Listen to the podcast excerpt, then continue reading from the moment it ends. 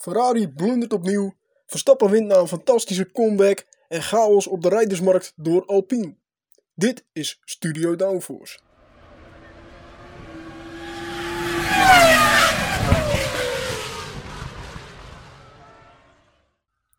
Welkom beste luisteraars, mijn naam is Elias. Leuk dat je luistert naar aflevering 21 van Studio Downforce. We gaan het in deze aflevering hebben over de enerverende Grand Prix van Hongarije en het silly season met verschillende rijdentransfers de afgelopen dagen. Bram en Lies die zijn nog steeds op vakantie, dus ik zal deze aflevering weer veel aan het woord zijn. Vooral Ferrari moet het bij mij ontgelden en in deze aflevering zijn er weer genoeg geruchten om over te praten. Voordat we de aflevering beginnen wil ik je echt vragen om ons te volgen op sociale media. We hebben Facebook, Twitter, LinkedIn en op Instagram kun je ons natuurlijk volgen op studio.downforce.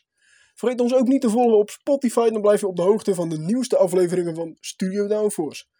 Laten we maar snel beginnen.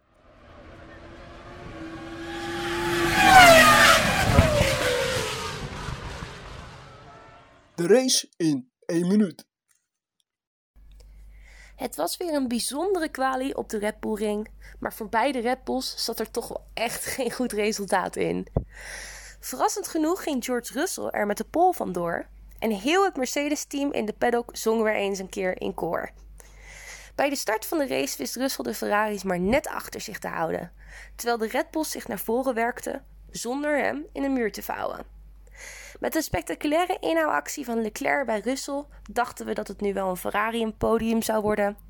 Maar Ferrari is Ferrari niet als ze niet met de strategie zouden poren. Ze lieten Leclerc pitten voor een harde band, terwijl iedereen aan Magnussen zag dat dit de slechte keuze was van het land. Een werkelijk cadeautje voor Max Verstappen. Pinotto verdween voor het einde van de race, hopen dat ze hem in de vakantie een beetje kunnen oplappen. You're welcome.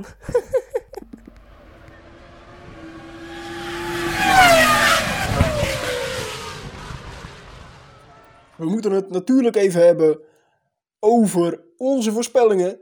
Uh, voorafgaand aan de Grand Prix, voorafgaand aan het weekend van de Grand Prix van Hongarije.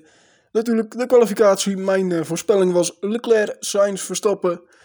Nou zat ik er ook niet heel ver naast, vind ik zelf. Verstappen, door problemen kon hij niet meedoen uh, voor de strijd om pol. Maar hij zat er goed bij. stond helaas tiende, omdat hij dus problemen had met zijn motor. Uh, Sainz ja, is tweede geworden, dus die heb ik helemaal goed. Een voltreffer. Leclerc werd derde en Russell dus uh, eerste. Die zag ik niet aankomen. Ik dacht Leclerc die zal hier, uh, zal hier pol pakken en in ieder geval voor zijn teamgenoot staan. Maar niets was minder waar. Leclerc dus op de derde plek, daar zat ik naast. Maar helemaal goed voor mij. En dan de race had ik Leclerc, Verstappen, Hamilton. Ik dacht van nou, Verstappen zou eventueel met de comeback nog wel op het podium kunnen komen. Hamilton zie ik ook nog wel op het podium komen, want die is hier ook heel succesvol geweest, dacht ik, in het uh, verleden. Dus ik dacht van nou, ik zit wel goed, want Leclerc die gaat hem uh, gemakkelijk winnen. Uh, en ook tijdens het weekend dacht ik nog van nou, Leclerc nog steeds de kandidaat om hier te winnen. Maar ja, zijn team verpest het voor hem en dus Leclerc buiten het podium zelfs. Verstappen dus die hem wint, zat ik net naast. En Hamilton die tweede wordt, voor, had ik op de derde plek staan. Zat ik dus ook net daarnaast. Dus uh, geen voltreffers voor mij tijdens de race, maar wel eentje tijdens de kwalificatie.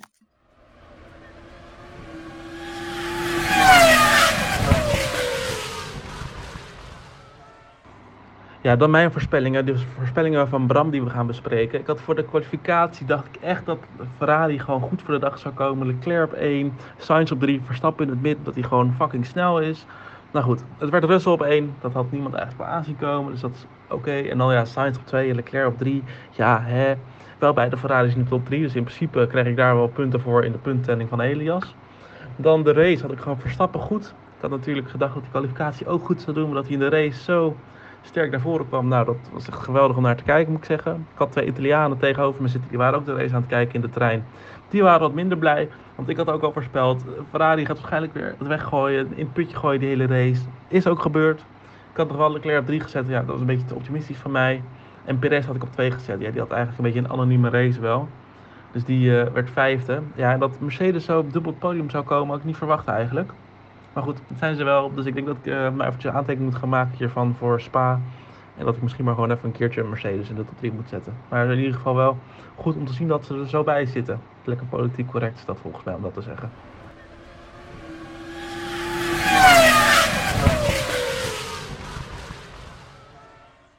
kunnen we het even hebben over Ferrari en waarom in vredesnaam onze Leclerc naar die harde band moest. Ik bedoel, we hadden al gezien dat die harde band, volgens mij was het bij Magnussen, dat die harde band voor geen meter vooruit ging. En wat dachten ze daarbij, het team van Ferrari? Ja, weet je wat, we kunnen nog wel meer puntjes uh, weggooien, we hebben het er wel voor over. Ja, ik, um, ik zeg het je eerlijk, als ik nu Ferrari-fan ben geweest en stiekem diep in mijn hart ben ik wel een beetje een Ferrari-fan dan moeten we toch wel even eerlijk zijn. Uh, er gaat hier iets echt zwaar, zwaar mis. Misschien dat Binotto aandelen heeft of zo in Red Bull blikjes. I don't know. Maar er is hier echt iets finaal mis aan het gaan bij uh, Ferrari. Als je gaat uitrekenen, en Elias die gaat er vast wel wat meer over vertellen.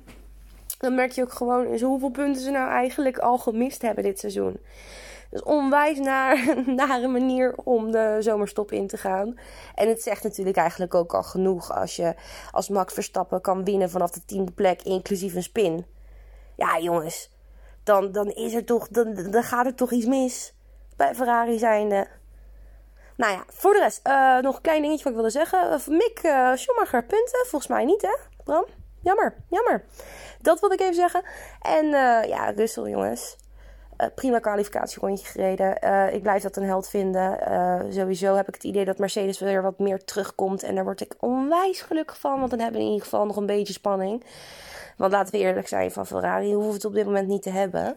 Dus laten we hopen dat ze na de zomerstop opeens licht gezien hebben. Of die aandelen in de Red Bull blikjes verkocht hebben. Want dit, dit gaat nergens over.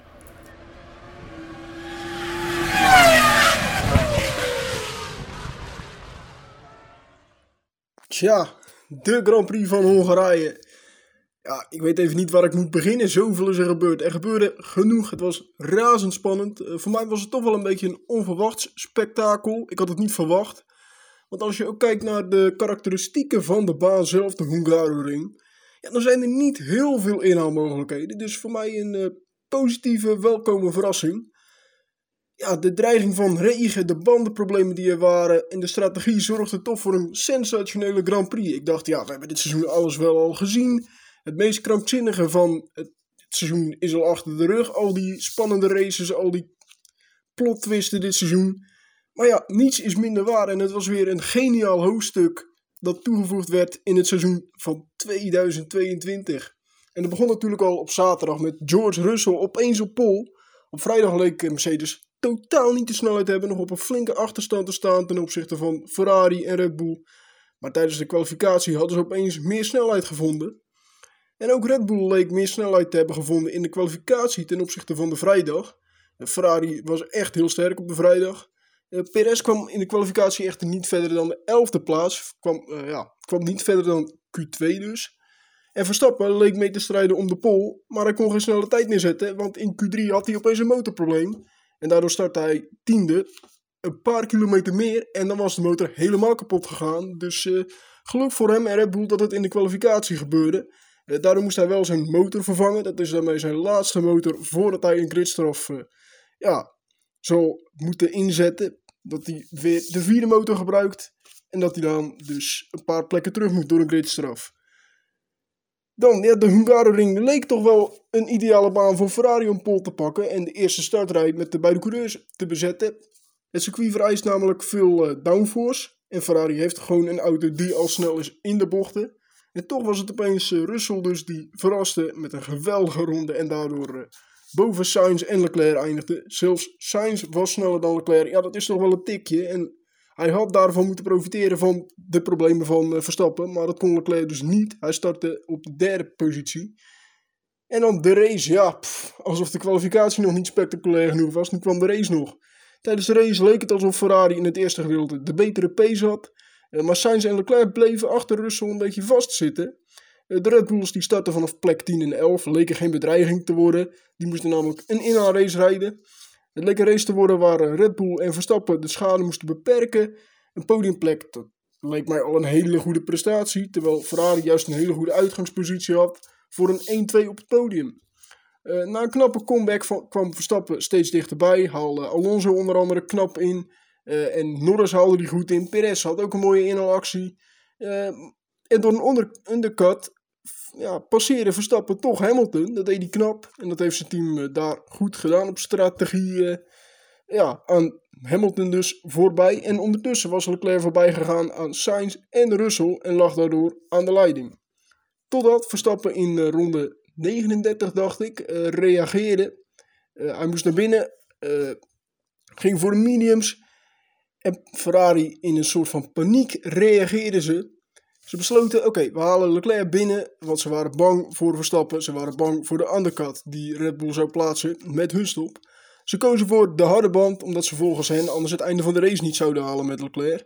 Hij kwam wel voor Verstappen de baan op, maar kreeg echt totaal geen temperatuur in die banden. Het was alsof hij op ijs aan het rijden was. En Verstappen haalde hem na één ronde al in en eh, leek heel gemakkelijk weg te kunnen rijden. Totdat de Nederlander echter zelf spinde en hij kwam weer achter Leclerc terecht. Toen dachten we van nou, die banden zijn, eh, zijn eraan, hij moet weer naar binnen. Maar hij had de pace nog steeds op die banden. Eh, en wist de Ferrari coureur weer gemakkelijk in te halen. Hij reed toen snel weg van Leclerc, bouwde een gat op. Ook Russell passeerde Leclerc en Ferrari besloot hem toen alweer binnen te halen voor softs. Die zagen toen al in, shit, eh, we hebben het weer gedaan, we hebben weer een fout gemaakt. De race van Leclerc was toen verpest door de foute strategie van Ferrari. Het werd nog spannend toen het zachtjes ging regenen aan het einde van de race. Maar Verstappen wist dankzij een fantastische inhaalrace verrassend te winnen. Terwijl Leclerc nog meer achterstand opliep in het kampioenschap. En achteraf gezien was het natuurlijk ook oliedom, kom op zeg, van Ferrari. Ja, we moeten het toch even over Ferrari hebben. Je denkt van, nou ja, na Frankrijk kan het toch niet erger. Na al die foutjes, ook in Silverstone weer op, eh, op strategie denk je van, ze leren ervan. Maar nee, telkens weer fouten. En telkens wordt het afgestraft. En dit weekend, ze hadden de he het hele weekend niet op de harde band gereden. Niet aangeraakt. Ja, dan weet je ook niet wat die harde band gaat doen. Helemaal met die lage temperaturen. Ja, dan is het een risico. En ze konden toch wel zien aan de data van on onder andere de Alpines die de harde band hadden gekozen uh, bij hun pitstop. Ja, dat die band gewoon met lage temperaturen niet opgewarmd kon worden in het, in het juiste window en tijdens de race niet zouden werken. Toch kozen ze ervoor om in paniek te reageren op Verstappen. En dat terwijl ze eigenlijk gewoon ja, de touwtjes in handen hadden, de leiding stevig in handen. Leclerc zijn pace was prima. En toch kiezen er dan voor, in plaats van vanuit eigen kracht uit te gaan, gaan ze toch weer in blinde paniek reageren. Want we moeten verdedigen ten opzichte van Verstappen. Ze hadden eigenlijk gewoon Leclerc langer door moeten laten rijden en daarna op de softs het laatste stuk moeten rijden, waardoor ze sneller waren geweest met die banden. Maar nee, ze kiezen voor de hard en ze krijgen het weer voor elkaar. Ze maken keer op keer weer een fout. En dit keer was het Ferrari zelf dus. Weer een foute stop, ook trouwens van Sainz. Weer een langzame stop en het kostte hem ook weer tijd.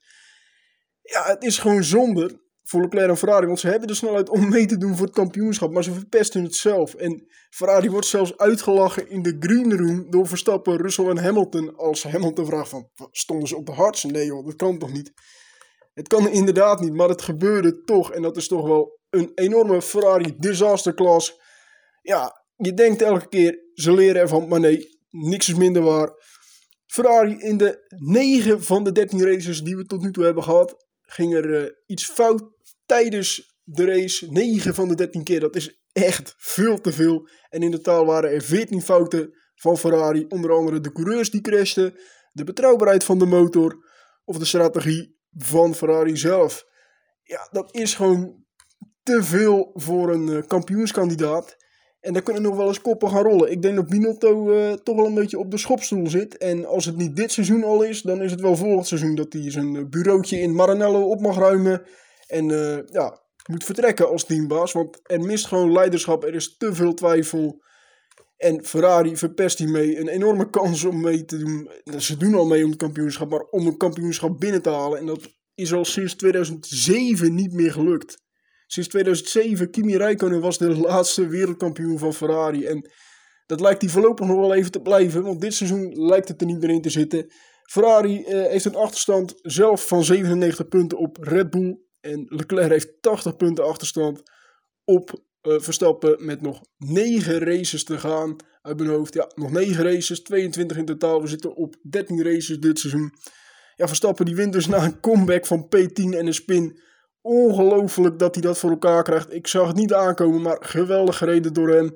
Hij profiteert van de fouten, rijdt zelf, afgezien van een paar fouten, rijdt hij geweldig. Ja, en Leclerc en Ferrari lijken toch wel het onderspit te delven. Onder andere door, uh, doordat ze het eigenlijk af en toe een beetje cadeautje, cadeautjes eigenlijk aan het uitdelen zijn aan Verstappen en uh, Red Bull. Maar we mogen natuurlijk niet onderschatten dat uh, Red Bull en Verstappen het ook gewoon goed gedaan hebben dit, tot nu toe dit seizoen. Maar dat Ferrari gewoon de kansen mist om ja, aan te blijven haken. En eigenlijk hadden ze natuurlijk vooraan moeten staan.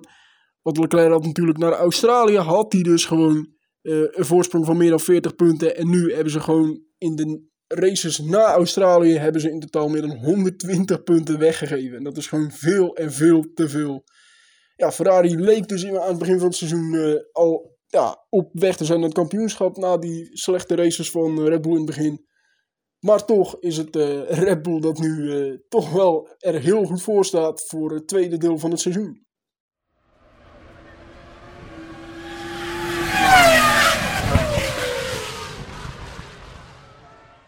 Dan is het nu tijd voor de roddelrubriek, het geruchtencircuit.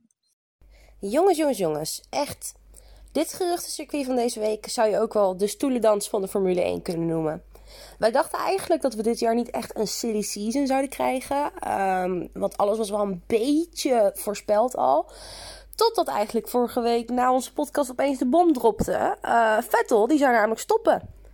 Uh, beetje te verwachten, ook wel weer heel erg jammer. Uh, maar in ieder geval, dat betekende gelijk al dat er weer een stoeltje vrijkomt bij Aston Martin. En toen ging, ging iedereen los. Uh, want het kwamen speculaties. Ja, wie zou het stoeltje dan krijgen? Uh, Hulkenberg is zelfs genoemd. Ik moet het even zeggen als uh, diehard Hulk-fan natuurlijk. in ieder geval, leuk verhaal. Echt, het duurde nog een week. Of onze Alonso, die schoof alweer aan bij het team van Aston Martin. Alonso gaat dus weg bij het team van Alpine. Uh, hij gaat door naar Aston Martin. Uh, verrassend, want laten we even eerlijk zijn: die Alpine die gaat veel, veel harder op dit moment. Uh, maar ik geloof dat Alpine eigenlijk wat meer op Piastri zat te wachten. En um, ja, toen, ja, ja, in ieder geval, dit werd nog veel spannender. Want vanaf toen barstte de bom een beetje los. Want onze teamprincipal van Alpine, Otmar Safnauer, die zei al van ja, maar luister jongens, uh, dit wisten we helemaal niet. Uh, Alonso heeft het ons niet eens laten weten.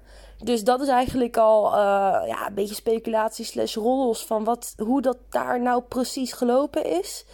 En eigenlijk werd het verhaal nog wel veel interessanter. Want iedereen dacht hierna van nou, oké, weet je, uh, Oscar Piastri die krijgt dan dat stoeltje bij Alpine. En zo is de stoelendans weer, weer rond en compleet. Maar wat blijkt nou? het stoeltje van, uh, tenminste, het contract van, van Oscar Piastri bij Alpine, want die heeft natuurlijk zo'n Young Drivers contract lopen bij Alpine. Die is 31 juli verlopen. Of in ieder geval vanaf 31 juli, het is nog een beetje vaag, zouden ze mogen gaan praten met andere teams. Dus zou Oscar mogen onderhandelen met anderen, maar ook Alpine. En onze, onze Fernando Alonso is een dag daarna, ja, of het toeval is, ik weet het niet. Uh, is een dag daarna natuurlijk overgestapt naar Aston Martin. Dus nu is het een beetje de vraag: hmm, wat is hier gebeurd? En onze Oscar Piastri, die heeft ook niet stilgezeten in deze afgelopen paar dagen. Die heeft namelijk een soort van voorcontractje bij McLaren getekend. Volg je het nog? Volg je het nog? In ieder geval, kleine korte samenvatting. Uh, Vettel weg bij Aston Martin. Alonso kwam ervoor in de plaats bij Aston Martin. Er kwam een plekje bij Alpine vrij. Wij dachten allemaal dat wordt Piastri. En Piastri heeft dus nu een voorcontract bij McLaren getekend. Schijnt. Oftewel, waar gaat Ricciardo heen? Gaat Gasly dan naar McLaren nog? Ook? Nee, dat kan niet. Maar waar gaat, gaat Ricciardo dan terug naar, naar, Williams? We don't know. We don't know. Is Ricciardo done? Zoveel vragen. In ieder geval, het was echt een hele interessante week op het gebied van roddels. Uh, dit is een beetje de stoelendans zoals ik hem begrepen heb. Ik weet niet wat de andere jongens hierover te zeggen hebben, uh, maar dat zal vast wel heel erg veel zijn.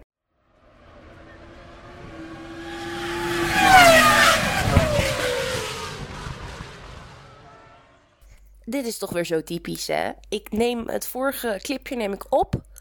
Vervolgens doe ik even een middagdutje en ik kom terug. En wat gebeurt er?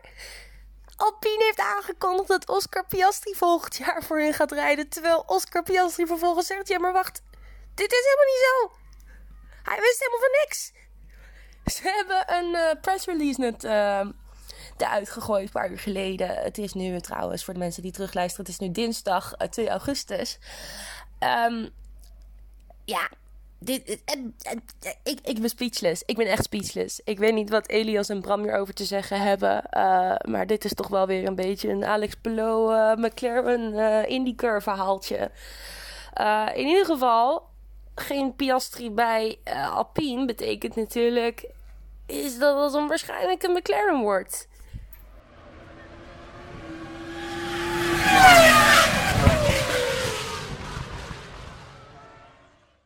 Lies heeft het er natuurlijk even al over gehad in het geruchtencircuit hier. Maar ja, ik wil het toch ook even zeggen. Alonso naar Aston Martin. Die zag ik uh, niet aankomen. Al heb ik hem vorige week natuurlijk in het geruchtencircuit wel een outsider genoemd voor uh, het zitje van Vettel. Die dus pensioen aankondigde vorige week. Uh, ja, ik zei van nou ja, een outsider bij Aston Martin. Maar ik noemde natuurlijk ook Mick Schumacher. Ik noemde uit mijn hoofd Ricciardo, eventueel Piastri misschien zelfs. Nick de Vries, Nico Hulkenberg. En oh, ja, Alonso, ik dacht van nou, die heeft nog geen contract voor, uh, voor volgend seizoen bij Alpine. Dus het zou kunnen, maar ik had niet verwacht dat hij het echt zou doen. Uh, maar ja, nu denken we dus uh, te weten waarom dat zo lang duurde, zijn contractverlenging. Alpine die wil hem eigenlijk maar een jaartje hebben als plaatsvervanger, als plaatshouder, om even het zitje warm te houden voor, voor dat Piastri daar zou komen. Ze wilden hem daarna in 2024 voor het WEC-programma hebben, waar Alpine aan uh, mee gaat doen. Het lange afstandsrace dus. Uh, Alonso die had daar geen trek in, die wilde nog langer door in de Formule 1. Die wilde een langer contract, meerjarig. Hij had niks gezegd tegen het team. En opeens op maandag na de race, ja, Aston Martin dat naar buiten kwam en zei: We hebben Alonso gecontracteerd voor meerjaren.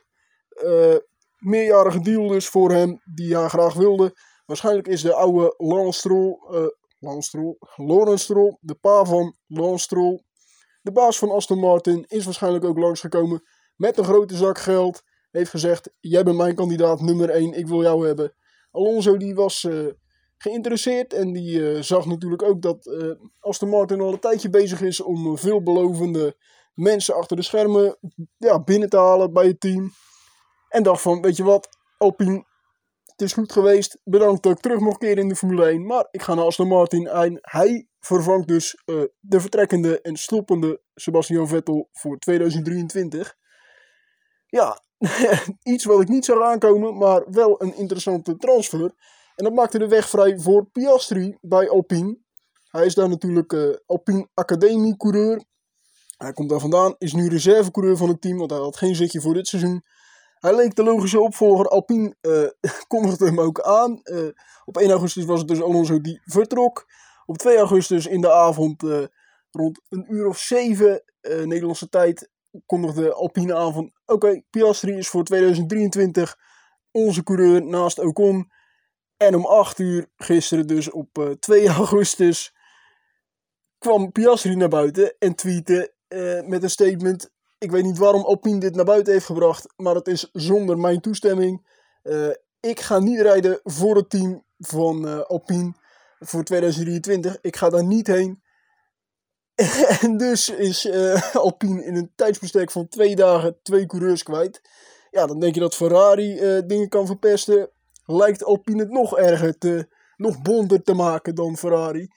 Want dit, dit zie je niet heel vaak voorbij komen. Maar ze hebben zichzelf misschien ook in de voet geschoten door, uh, door uh, clausules in het contract. Dat, uh, dat Alonso met andere teams mocht praten. Dat Piastri met andere teams mocht praten. En misschien moesten ze wel voor Piastri voor een bepaalde datum een zitje regelen voor volgend seizoen. Is dat niet gelukt? Heeft zijn manager Mark Webber ook nog gekeken naar andere teams? Waarschijnlijk naar McLaren. En ja, die hebben we dus wel vaker problemen met coureurs en uh, contracten. Dat zagen we natuurlijk al in de IndyCar met Alex Palou. Die uh, dus onder contract ook nog stond bij een ander team. Ja, er gebeurt genoeg. En nu dus Piastri die naar McLaren lijkt te gaan. Uh, en wat gebeurt er dan met Ricciardo? Nou, Ricciardo wordt dan weer gelinkt aan Alpine. En daar heeft hij dus al gereden, toen het team nog Renault heette. Dat zou wel een opvallende terugkeer zijn. Want ja, waar kan Ricciardo uh, anders heen? Albon trouwens ook nu uh, bevestigd bij Williams. Voor meerdere jaren lijkt dus definitief die Red Bull uh, connectie te hebben verbroken. Ja, dus dat is ook nog naar buiten gekomen. Dus de stoeltjes worden minder en minder. Ook naast Albon lijkt dan Latifi nog niet zeker. Piastri leek dus kandidaat voor, voor een uitleenbeurt. Dat wil Williams niet echt. Uh, maar die lijkt dus nu naar McLaren te gaan. Andere kandidaten zijn dan Logan Sargent. Die uh, is ook van de Williams Academie. Doet het in de Formule 2 erg goed. En Nick de Vries heeft natuurlijk voor het team een vrije training gereden. En heeft nu nog uh, Mercedes connecties. Dus hij is daar ook nog kandidaat. Dan is er ook nog opvallend nieuws. Frans Toost, de teambaas van AlphaTauri, wilde nog niet bevestigen dat Tsunoda volgend jaar ook bij AlphaTauri rijdt. Dat houdt de deur open voor Liam Lawson uit de Formule 2. Het leek eerder in het seizoen juist nog zeker dat Tsunoda uh, zou blijven bij uh, AlphaTauri voor 2023 naast Pierre Gasly.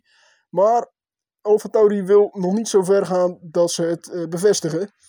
En dat is namelijk ook opvallend, want er lijkt een andere coureur ook nog vrij te komen op de markt. En dat is Mick Schumacher. Want Haas is niet helemaal zeker, ondanks dat hij de afgelopen paar races wel wat punten heeft binnen weten te sprokkelen. Ze zijn niet zeker van hem en dat zou betekenen dat hij misschien wel aan het einde van het jaar ja, zonder zitje komt. Ja, en waar gaat hij dan heen? Misschien Alfa Romeo in plaats van Joe. En dan kan Joe weer met zijn miljoenen naar Williams. Wie weet, wie, eh, wie kan het zeggen? We gaan het allemaal uiteindelijk meemaken. En het, alleen al door het domino-steentje dat Sebastian Vettel heet, vallen andere domino-steentjes om. En uh, is het één grote chaos. Ja, het is ongelooflijk en we gaan zien hoe de puzzel uiteindelijk in elkaar valt. Maar zoveel spektakel op de rijdersmarkt, dat hadden we denk ik uh, totaal niet verwacht. Wel een paar wisselingen, maar zoveel chaos had ik niet verwacht. Dan nog door naar andere geruchten. Mercedes verdenkt Ferrari namelijk van een illegale truc met het gaspedaal. En ik moet zeggen, ik denk dat deze theorie best wel eens waar kan zijn. Want na de Grand Prix van Frankrijk waren het niet alleen de Ferrari-fans en Leclerc die slecht sliepen. Ik sliep ook slecht en opeens schoot me te binnen, s'nachts. Wacht eens even. Ferrari had al problemen in Oostenrijk met het gaspedaal. Uh, Leclerc crashte op een raar punt, waarbij je denkt van je gaat vroeg op je gas. Raakte daar de auto een soort van kwijt. En Ferrari heeft ook al heel lang gewoon, uh, tijdens elke race zie je het weer terug, hebben ze gewoon hele goede tractie en een goede exit snelheid uit de bochten. Wat als Ferrari nou een trucje heeft, waardoor ze dat dus kunnen doen. En misschien is dat wel illegaal. Ik bedacht dat me ook toen. En Mercedes beweert nu dus dat Ferrari een illegaal trucje heeft bedacht. Uh, een Red Bull, uh, een oude Red Bull engineer heeft dat gerucht zogezegd ontkracht. Maar hij beweert echter alleen dat Mercedes met de data die ze hebben dat niet kunnen analyseren. Of die conclusie kunnen trekken. Maar het kan dus nog wel. Want ze hebben dus aan de hand van data zouden ze hebben gezien dat Leclerc uh, het gaspedaal los had gelaten. Niet meer intrapte, maar wel nog steeds meer snelheid uh, opbouwde. Ja, dat is wel heel raar en het zou wel opvallend zijn als Ferrari op die manier dus meer snelheid mee kan nemen uit de bochten en door de bochten. En ik zou er niet gek van opkijken als ze weer in een grijs gebied hebben gekleurd. Want Ferrari en alle Formule 1 teams natuurlijk zoeken altijd de randjes op met de reglementen. Dat hebben we ook gezien uh, met de flexievloeren natuurlijk, die uh, nu in uh, België waarschijnlijk ja, aangepast moeten worden door nieuwe regels, nieuwe richtlijnen. En ik zou me niet verbazen als Ferrari dus ja, op de randjes van de reglementen in een grijs gebied heeft gekleurd. En dat ze misschien nu wel de dupe daarvan worden als dat echt illegaal wordt bevonden. Dan denk ik dat Ferrari-teambaas uh, ja, Binotto dus onder druk staat.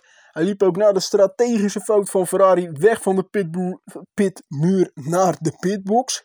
Zo, dat kwam er uh, fantastisch uit. Ja, dat is toch wel opvallend van een, uh, van een teambaas. Dat verwacht je niet zomaar dat hij echt zo even een momentje voor zichzelf moet hebben. om even alles op een rijtje te zetten of even te kalmeren. Want ja, laten we wel wezen, hij straalt niet echt leiderschap uit. Hij straalt twijfelachtigheid uit. En dat zie je ook als een soort van projectie terug op Ferrari zelf als team. Ik denk dat het beter is als hij uh, vertrekt. Uh, dat is mijn professionele mening. Maar ja, ik denk ook dat Ferrari zelf daar uh, geholpen door wordt. En dat Ferrari daarin echt moet over, over gaan nadenken van wie willen we in zijn plaats hebben. En we moeten een goede leider hebben. Dan is er nog een ander gerucht dat er meer tests komen met drones voor Formule 1 uitzendingen. Ja, dat hebben we natuurlijk in Spanje al gezien. Dat ze daarmee aan het uh, uittesten waren. Dat was niet heel erg goed bevallen onder het publiek van de Formule 1 kijkers. Maar ze willen dus met betere, betere drones, betere camera's in de drones en een langere batterijduur willen ze dus meer gaan testen met die dronebeelden. Ik zou zeggen, test het eerst even uit uh, in lagere klassen bij vrije trainingen van de Formule 1 en gebruik het daarna in de race. Perfectioneer het en daarna gebruiken. Het lijkt me wel een leuke toevoeging, net als de helmcamera. Maar ik zou het eerst perfectioneren voordat je het echt professioneel gaat gebruiken tijdens die races.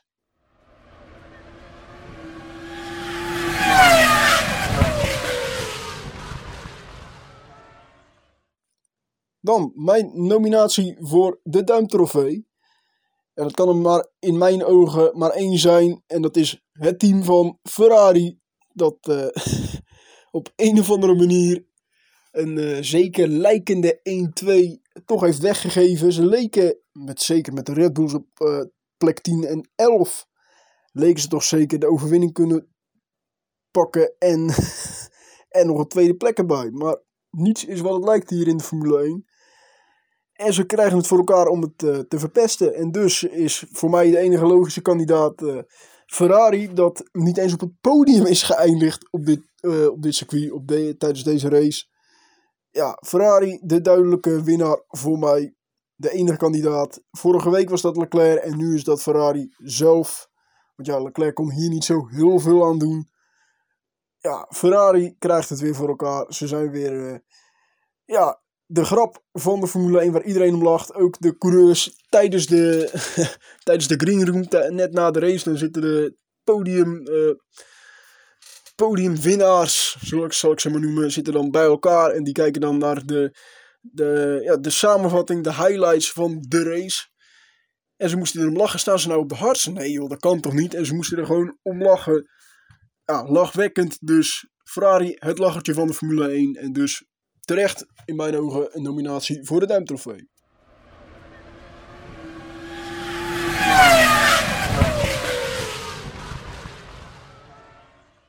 Dit was het dan voor deze week. Het is nu zomerstop, dus ook voor Studio Downforce is het even tijd voor een pauze. Maar niet getreurd, want er komt er ook nog een terugblik aan van de eerste seizoenshelft. En natuurlijk een vooruitblik voor de tweede seizoenshelft van het Formule 1 seizoen 2022. Mocht je nog vragen hebben over Formule 1 en de laatste nieuwtjes of geruchten, stuur ons dan een DM via Twitter of Instagram. Vergeet ons ook niet te volgen op sociale media en de podcast te delen met vrienden en familie. Dat wordt erg gewaardeerd. Laters!